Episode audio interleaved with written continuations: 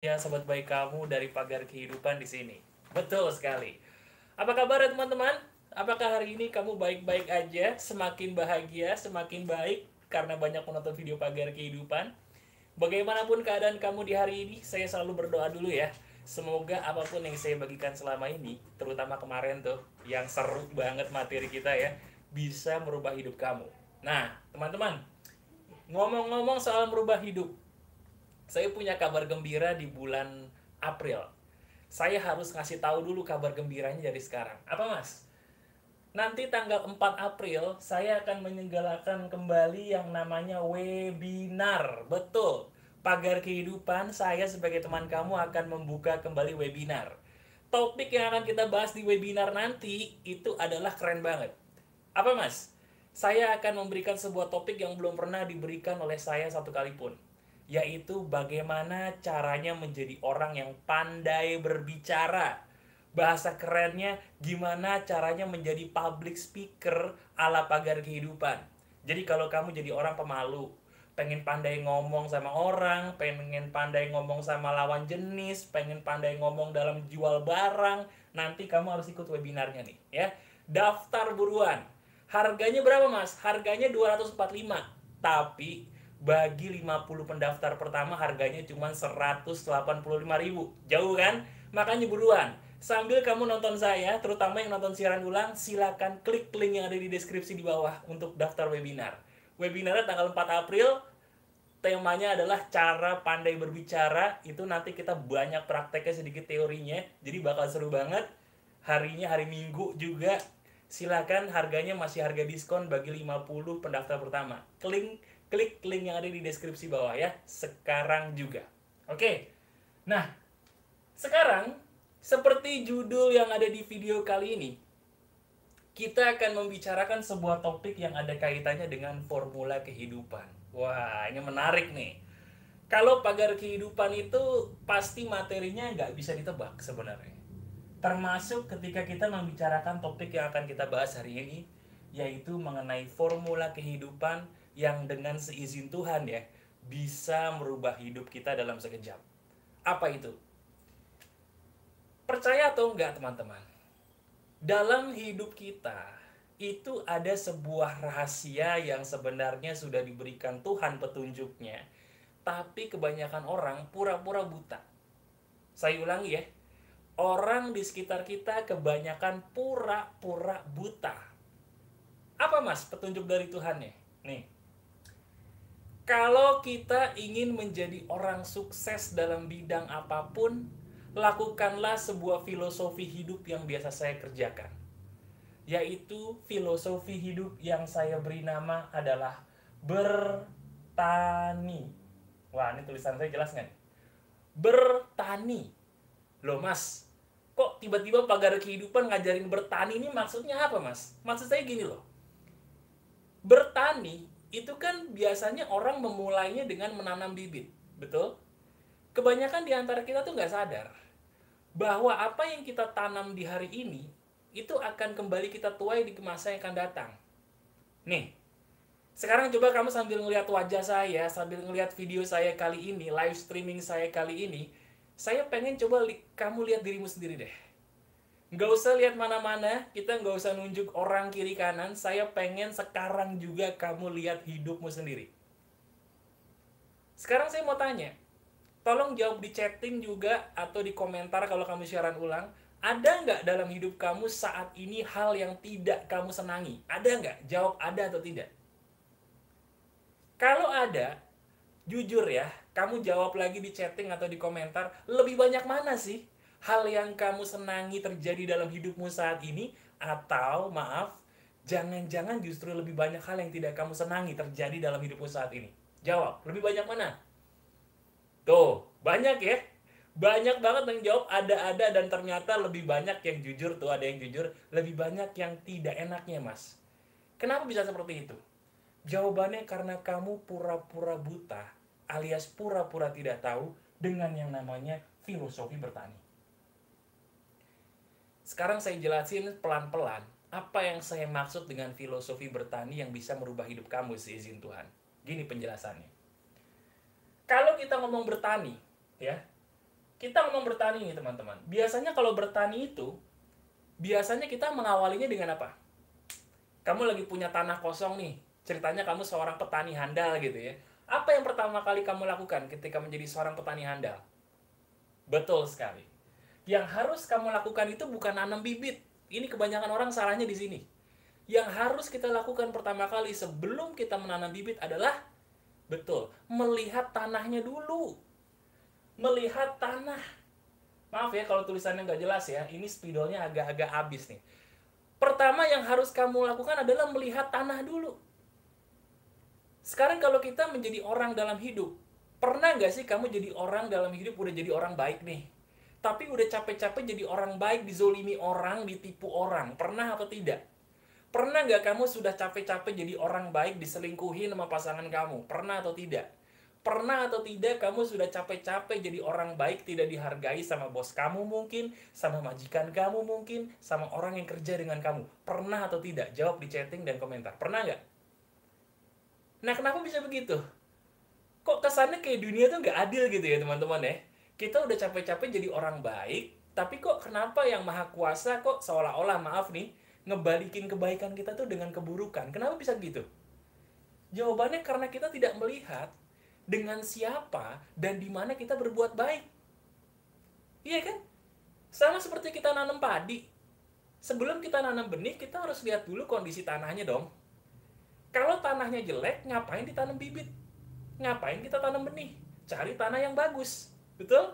Sama kan kayak perbuatan baik. Kita mau berbuat baik, lihat dulu di mana. Lihat dulu kepada siapa, betul gak? Bener gak nih? Kalau kita berbuat baik kepada sembarang orang, kita digiles. Kalau kita mentoleransi keburukan orang terus-menerus, kita habis hidupnya terkikis oleh perilaku dia. Betul gak? Iya kan? Nah, jadi yang pertama, kalau kita ingin menjadi orang yang bisa sukses dalam hal apa pun, berubah hidupnya, gunakan filosofi bertani yang pertama awali lihat dulu tanahnya. Lihat dulu di mana kamu saat ini. Apakah orang-orang di sekitarmu ini layak nggak sih menjadikan kamu itu sebagai orang yang dihargai nggak sih? Menjadikan kamu sebagai orang yang manusia atau robot sih? Lihat deh. Lihat kiri kanan kamu. Teman-teman, lihat teman-teman kita sekarang. Di antara semua teman-teman kita, lihat dengan baik-baik. Banyakan mana teman-teman kita yang menganggap kita manusia atau teman-teman kita yang mohon maaf menganggap kita seperti budak atau robot atau barang. Kalau kita punya teman contohnya yang tidak pernah menghargai kita sebagai manusia, buat apa kita berbuat baik sama mereka? Buat apa kita mentoleransi perilaku mereka hanya takut kehilangan teman? Betul gak sih? Iya kan? Iya nggak? Coba sekarang setuju nggak dengan pendapat saya? Nah, gini. Kalau saya ngomong gini, ada yang protes. Mas, sebentar. Saya belajar di sekolah, mas. Kalau kita tuh berbuat baik nggak boleh pilih kasih. Orang jahat harus kita lakukan perbuatan baik. Betul kan? Kalau kita mau menghapus api, harus kita berikan air, mas. Kita gak boleh menganggap orang jahat itu jahat, mas. Bahkan Mas Aryan sendiri pernah bilang di videonya nih, mas. Kalau orang jahat tuh jangan dipikirin. Jangan kita balas kejahatan dengan kejahatan. Gitu. Iya kan? Jawaban saya benar. Tapi bukan berarti kita harus digeblek-geblekin orang dong. Iya kan? saya mengajarkan di pagar kehidupan namanya hijrah loh. Ada nggak nih subscriber pagar kehidupan yang lama nih, yang udah lebih dari setahun katakan saya coba. Termasuk kamu yang nonton siaran ulang ya, yang sudah jadi subscriber pagar kehidupan lebih dari setahun bahkan dua tahun siapa? Katakan saya. Nah, banyak kan? Pasti di antara kamu sudah pernah nonton tuh materi video saya yang berkaitan dengan hijrah. Pagar kehidupan tuh nggak pernah ngajarin, oh kalau kamu di dizolimi orang, diem aja, gak ada. Pagar kehidupan ngajarin kamu dizolimi, tinggalin. Cari tanah yang baik. Saya ulangi, cari tanah yang baik. Cari tanah yang baik dulu. Cari lingkungan yang baik, cari orang-orang yang baik. Sekarang lihat, kalau kita pengen berbuat baik selama ini salah terus, bener nggak tebakan saya? Tanah kehidupan kamu, lingkunganmu, orang-orang di sekitarmu, itu banyakkan yang salah daripada yang benar. Betul nggak? Coba lihat aja. Pasti benar. Pasti benar. Kenapa? Karena ini tolak ukurnya. Tolak ukur kita, kalau kita mau berbuat baik, lihat dulu lingkungannya. Nah, jelas ya. Mas, kalau lingkungan kita udah oke, okay, orang-orangnya udah oke, okay, kita harus ngapain mas? Supaya hidup kita tuh bagus karir kita oke okay, pergaulan kita oke okay, romansa kita oke. Okay. yang kedua belilah bibit unggul. Nih. Beli saya nulisnya nggak apa-apa ya ke atas ya. Beli bibit unggul. No sampai ke atas no. Tuh. Ingat perkataan saya beli bibit unggul saya tidak mengatakan taburkan bibit unggul. Beli bibit unggul. Saya ulangi. Beli bibit unggul. Bukan menaburkan bibit unggul. Enggak. Beli bibit unggul. Beda. Maksudnya apa? Kalau kamu ingin jadi orang berkualitas, tuntutlah ilmu sampai ke negeri Cina. Di luar sana banyak orang yang lebih oke okay daripada kita di luar sana banyak orang yang pengetahuannya, wawasannya lebih luas daripada kita. Setuju? Belajar dari mereka. Belajar itu bukan hanya di sekolah, bukan hanya di kampus. Belajar itu sampai kita mati baru selesai. Artinya apa? Kalau kita ingin menjadi orang yang sukses contohnya, harus punya pola pikir yang oke okay, kan? Belajar dari orang belajar dari pagar kehidupan mantap. Tapi jangan pagar kehidupan doang cari channel lain juga buku lain juga orang lain juga luaskan wawasanmu. Beli bibit unggul artinya belilah ilmu. Saya tuh paling suka loh teman-teman sama orang-orang yang dia tuh kalau ngeluarin duit buat ilmu nggak mikir. Mas saya mau ikut seminar dari dari motivator A saya keluarin mas duit. Mas saya mau beli buku mas dari orang yang saya kagumi keluarin duit. Tapi kalau ada orang yang banyak perhitungannya aduh gue mau ikut seminar dia nih. Tapi gue ragu ya aduh enggak ah mendingan enggak deh. Orangnya meyakinkan gak ya? Ah udah capek deh. Apalagi ada orang mau beli buku gitu ya. Beli juga belum nanyanya banyak. Padahal dia tahu yang ngarang siapa. Misalnya yang ngarang siapa ya? Ronald Frank gitu. Udah tahu yang ngarang Ronald Frank tapi nanyanya banyak. Bagus ke tuh buku minta foto daftar isinya dong. Udah minta foto daftar isinya minta diskon dong. Gua nggak yakin sama bukunya nih. Ya elah. Capek deh. Beli bibit unggul. Investasikanlah uangmu untuk ilmu nggak akan rugi. Saya ulangi. Orang yang paling beruntung dalam hidupnya adalah orang yang paling mau menginvestasikan uangnya untuk ilmu. Betul atau tidak? Coba jawab. Betul gak iya kan Betul nggak? Ini yang selalu saya pegang. Saya nggak pernah ngerasa diri saya itu jenius gak nggak. Saya merasa diri saya selalu butuh waktu untuk belajar, belajar, belajar. Makanya nih, kalau kamu tahu teman-teman, saya tuh banyak belajar dari orang, terutama orang luar negeri. Karena saya alhamdulillah bahasa Inggris oke, saya ngerti itu belajar dari mereka. Terus, sekarang pertanyaannya, coba lihat diri kamu sendiri lihat diri kita sendiri. Berapa persen dari uang kita yang sudah kita keluarkan untuk ilmu? Coba, jujur, nggak usah bohong. Berapa persen dari uang yang kita punya yang sudah kita alokasikan buat investasi ilmu? Buat webinar, buat seminar, buat beli buku, buat sekolah lagi mungkin, atau mungkin apalah, ya, ikut kursus mungkin. Berapa persen? Kalau sebagian besar duit kita habis buat untuk ilmu, selamat kamu gak akan rugi. Pegang janji saya, kamu tidak akan pernah rugi. Itu dia, ya. Tanahnya udah oke. Okay. Saya udah beli bibit unggul, Mas. Berarti sekarang saya tinggal nebar dong, Mas. Saya pengen nebar kebaikan nih supaya saya karmanya bagus. Betul nggak, Mas? Kan saya lingkungannya udah oke, okay. orang-orangnya udah oke, okay, Mas. Ya nggak? Saya juga udah banyak belajar wawasan saya luas, Mas. Betul? Betul. Kalau gitu sekarang saya harus ngapain, Mas? Apakah saya harus melakukan banyak karma baik supaya saya bisa dapat karma baik juga? Jawabannya benar. Tapi, nah ada tapinya. Apa tuh mas? Kalau mau jadi orang yang beruntung, ya setelah kita menemukan tanah yang baik, kita juga udah membeli bibit unggul yang oke gitu ya. Jangan pernah berpikir bahwa ngelempar benih itu tinggal lempar doang. Enggak. Kalau mau melempar benih, selalu libatkan yang punya semesta. Nah, ini dia. Apa tuh, Mas?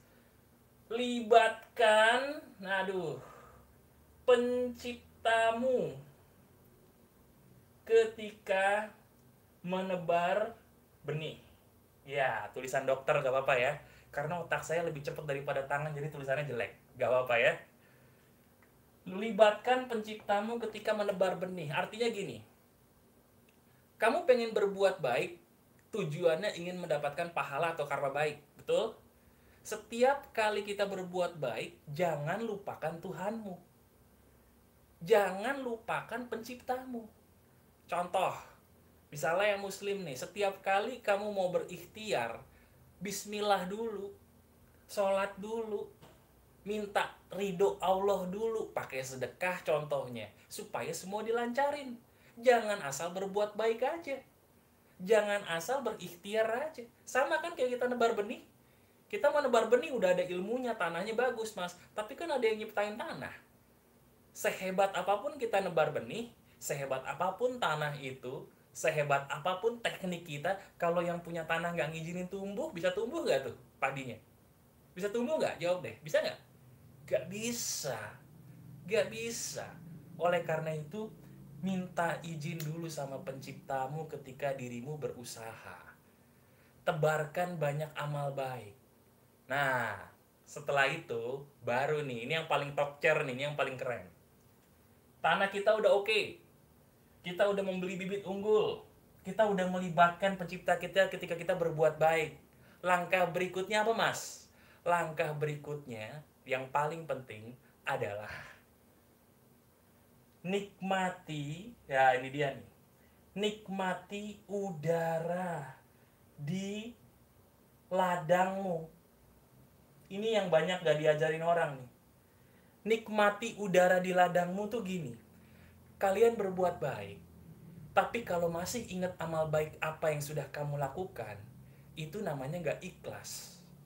Saya ulangi, kalau kita berbuat baik, kita masih ingat amal baik kita apa aja, apalagi sampai detail gitu ya. Oh, gua kemarin udah sedekah 150 ribu, keren banget ya saya. Oh, keren deh. Ih, kemarin tuh ya, gila, saya tuh sedekah loh. Sedekah saya tuh keren banget loh. Satu juta saya sedekahin, mas. Waduh, masih ingat Ketika kita masih ingat amal baik kita, kemungkinannya cuma dua.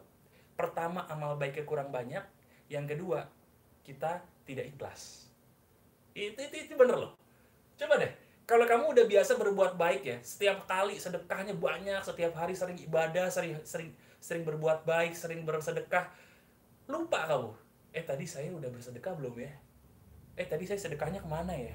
Eh tadi jumlahnya berapa? Lupa. Nah, Orang menikmati udara di ladang tuh artinya dia menikmati perbuatan baiknya. Teman-teman, kalau kita mau jadi orang beruntung dalam bidang apa pun, nikmati dulu prosesnya. Saya ulangi, nikmati dulu proses kamu. Kamu pengen jadi orang yang ahli dalam bidang perdagangan. Tadi udah apa ya, udah cari ilmu, udah cari orang-orang yang baik yang bisa kamu dekati untuk belajar. Pertanyaannya kamu sudah melibatkan Tuhan? Sudah melibatkan Allah di sini? Udah. Yang berikutnya kamu sudah menikmati proses belum? Kalau sudah menikmati proses apa buktinya orang bisa berkata oh saya sudah menikmati proses mas saya pengen kurus saya sudah menikmati proses saya pengen gemuk, saya sudah menikmati proses. Saya pengen jadi ahli orang yang berbicara dengan lawan jenis, mas. Saya sudah menikmati proses, mas. Bohong. Loh, kok bohong, mas? Kok bohong, mas? Kenapa kok saya bisa dituduh bohong? Karena orang yang betul-betul menikmati proses, dia tidak akan berkata saya menikmati proses. Dia akan selalu tersenyum, selalu happy dan mukanya glowing. Sekarang lihat muka kamu di kaca. Lihat muka kamu di kaca sekarang. Jangan lihat saya, lihat muka kamu di kaca. Glowing atau keruh? Ayo. Glowing atau keruh? Kalau keruh, berarti dirimu belum menikmati proses orang yang menikmati proses tuh glowing dia happy gitu loh wah gue nih punya tujuan hebat dalam hidup gue gue nikmatin prosesnya dia kayak antusias gitu iya kan coba kamu lihat deh lihat orang-orang yang sukses dan dia sukses karena bidang yang dia cintai pasti dia ada antusias dalam hal, dalam hal bekerja ada antusias dalam hal menjelaskan betul nggak kenapa karena dia menikmati proses pagar kehidupan ini ada udah lama loh udah lama pagar kehidupan ini. Mungkin bagi sebagian orang yang tidak sabar menikmati proses, akan bingung, kok Mas Aryan mau sih nunggu bertahun-tahun baru sampai di titik ini baru sukses? Kok mau Mas? Ya karena saya menikmati proses. Sekarang tanya diri kamu, apakah saya menikmati proses atau saya cuma pengen hasil akhir? Nah, coba nikmati nggak tuh? Nah itu dia. Nah, ketahuan kan? Mas, saya udah nikmati proses. Tapi kok saya jadi orang sial terus, Mas? Saya ini udah punya tujuan hidup, udah nikmati proses nih. Semua yang dilakukan Mas Aryan udah, tapi kok kurang beruntung. Kenapa ya, Mas? Karena kamu lupa. Ada hal terakhir yang harus kita lakukan sebelum kita menjadi orang beruntung. Setelah melakukan ini semua. Apa itu, Mas? Kalau kita punya padi, udah tumbuh. Yang harus kita lakukan apa? Apakah kita bengong liatin padinya? bengong gitu dengan harapan padinya bisa bisa jadi beras sendiri gitu ya masuk karung atau kita harus ngelakuin apa betul ketika padinya sudah tumbuh kita pilih mana yang layak dan kita buang mana yang tidak layak kita udah jadi orang baik nih kita udah jadi orang yang berusaha berikhtiar ber, banyak bersedekah banyak beribadah oke okay. terus kita lihat dong hasilnya kita lihat hasilnya apakah orang-orang yang kita perbuat baikan itu bisa menghargai kebaikan kita nggak? Atau jangan-jangan dia malah zolim sama kita? Apakah orang-orang yang kita udah percaya jadi orang yang patut kita percaya, dia bisa nggak jadi orang yang kita percaya? Atau jangan-jangan dia berdusta lagi di belakang kita? Lihat hasil perbuatan baik kita. Apakah perbuatan baik kita itu dihargai oleh lingkungan kita atau tidak? Kalau tidak, buka lingkungan baru. Kalau tidak, cari orang-orang baru kalau tidak, buka lembaran kamu yang baru di karir kamu. Tidak mungkin sebuah beras itu bisa menjadi beras yang berkualitas kalau petaninya tidak memilih dengan baik padi-padi yang mereka sudah tanam. Betul gak? Kalau kita pengen punya hidup yang berkualitas, pintar-pintarlah memilih dan memilah orang-orang di sekitar kita. Pilih dan pilahlah teman-teman orang-orang yang layak ada di dekat kita. Karena percaya atau tidak, tolong dengerin saya. Kesuksesan kita itu bergantung nomor satu dari orang-orang yang ada di dekat kita.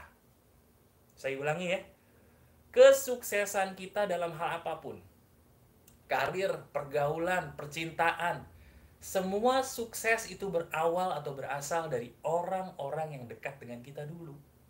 Lihat siapa orang-orang yang dekat dengan kita Pantaskah mereka ada di samping kita? Atau kita harus menjauh dari mereka? Pikirin. Jangan pernah bermimpi untuk menjadi sukses kalau kita tidak berani memilih dan memilah orang-orang yang salah. Itulah filosofi bertani yang selalu saya pegang. Banyak-banyaklah berbagi, banyak-banyaklah menanam kebaikan, tapi jangan jadi orang BODOH.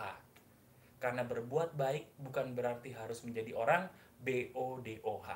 Setuju atau tidak? Ayo. Setuju ya? Nah, itu maksud saya. Oke? Alhamdulillah. Jelas ya? Nah, oke. Tadi ada yang baru datang. Bagi teman-teman yang baru datang, saya ulangi dulu. Saya alhamdulillah akan menyelenggarakan webinar, teman-teman. Webinarnya hari Minggu tanggal 4 April. Tapi pendaftarannya sudah dibuka dari sekarang. Jadi kalau kamu pengen mengikuti webinar saya dengan tema gimana caranya pandai berbicara, gimana caranya public speaking yang benar? Gimana caranya orang yang pemalu jadi nggak pemalu? Gimana caranya kamu pengen pandai ngomong sama lawan jenis sama calon klien sama orang? Nanti kita bakal banyak praktek di webinar tanggal 4 April harga aslinya 250 tapi bagi 50 orang pertama cuma 185.000 makanya kalau kamu nonton ini hari apa pun klik dulu link yang ada di deskripsi di bawah klik sekarang nanti kamu akan dibawa ke pendaftaran. Mudah-mudahan masih ada tempatnya ya. Ingat, tempatnya terbatas banget. Ini keren banget ya. Oke, kalau gitu silahkan kamu tonton berulang kali video ini teman-teman. Semoga apa yang saya bagikan ini bisa kamu praktekkan dan dijadikan bahan baku untuk hidup kamu. Tonton video ini berulang kali, klik jempol ke atasnya kalau kamu suka, dan bagikan link yang di atas ya dari video ini kepada teman-teman yang ingin kamu tolong. Kalau kamu suka, silahkan bagikan video ini, tapi silahkan juga kalau kamu ingin menjadi sahabat pagar kehidupan, subscribe dulu. Seandainya kamu belum subscribe ya. Oke, kalau gitu silahkan. Seperti biasa, saya ingin sekarang membacakan nama dan juga daerah dari sahabat pagar kehidupan yang sudah berkumpul di hari ini. Siapa aja dari mana dan siapa nama kamu. Ayo, silakan. Sambil saya membereskan dulu nih sesuatu yang harus saya bereskan. Ayo. Oke, ada Gio 19 tahun dari Bogor, ada Yusuf dari Jogja, ada Cornelius dari Bandung. Wah, ini anak baru nih Cornelius nih. Ada juga siapa tuh tadi uh, Cinere Depok, ada Gio 19 tahun, ada juga Kalista, ada Alif Afif, ada juga tadi RJ dari Pati, ada Rosihan dari Palembang, ada Salam dari Malaysia. Hai hey, Malaysia ada Puspa dari Jepang. Waduh arigato arigato nes. Arigato ne sugoi ganbate kudasai. Ya sugoi ganbate kudasai. Terus apa lagi ya? Ya pokoknya kimochi lah. Ada Kamal dari Cilacap. Ada juga siapa? Valentin dari Kuala Lumpur Malaysia. Walah Malaysia. Semoga nanti kita bisa bersua di Malaysia ya kalau pandemi sudah mereda ya. Amin ada juga siapa tuh tadi Hanik dari Gresik dan Siti Nursana dari Tangerang. Oke teman-teman, kalau kamu suka dengan materi saya, alhamdulillah. Kalau misalnya berguna, silakan kamu praktekkan. Dan ini semua terjadi bukan karena saya, tapi karena atas izin Allah, atas izin Tuhan kita yang membawa kamu kepada video saya. Banyak-banyak bersyukur, banyak-banyak bersedekah, dan selalu beramal baik. Karena beramal baik itu wujud syukur yang paling besar loh. Betul deh, ya. Kalau ada kesalahan kata, saya mohon maaf. Wassalamualaikum warahmatullahi wabarakatuh. Salam sejahtera buat kalian semua. Tetap keep the spirit, keep sharing, and keep loving. Masih ada saya Aryan Surya, sahabat baik kamu dari Pagar Kehidupan. Saya tunggu di webinar tanggal 4 April ya. Silahkan daftar. Semoga nanti kita bisa bersua. Bye-bye semuanya.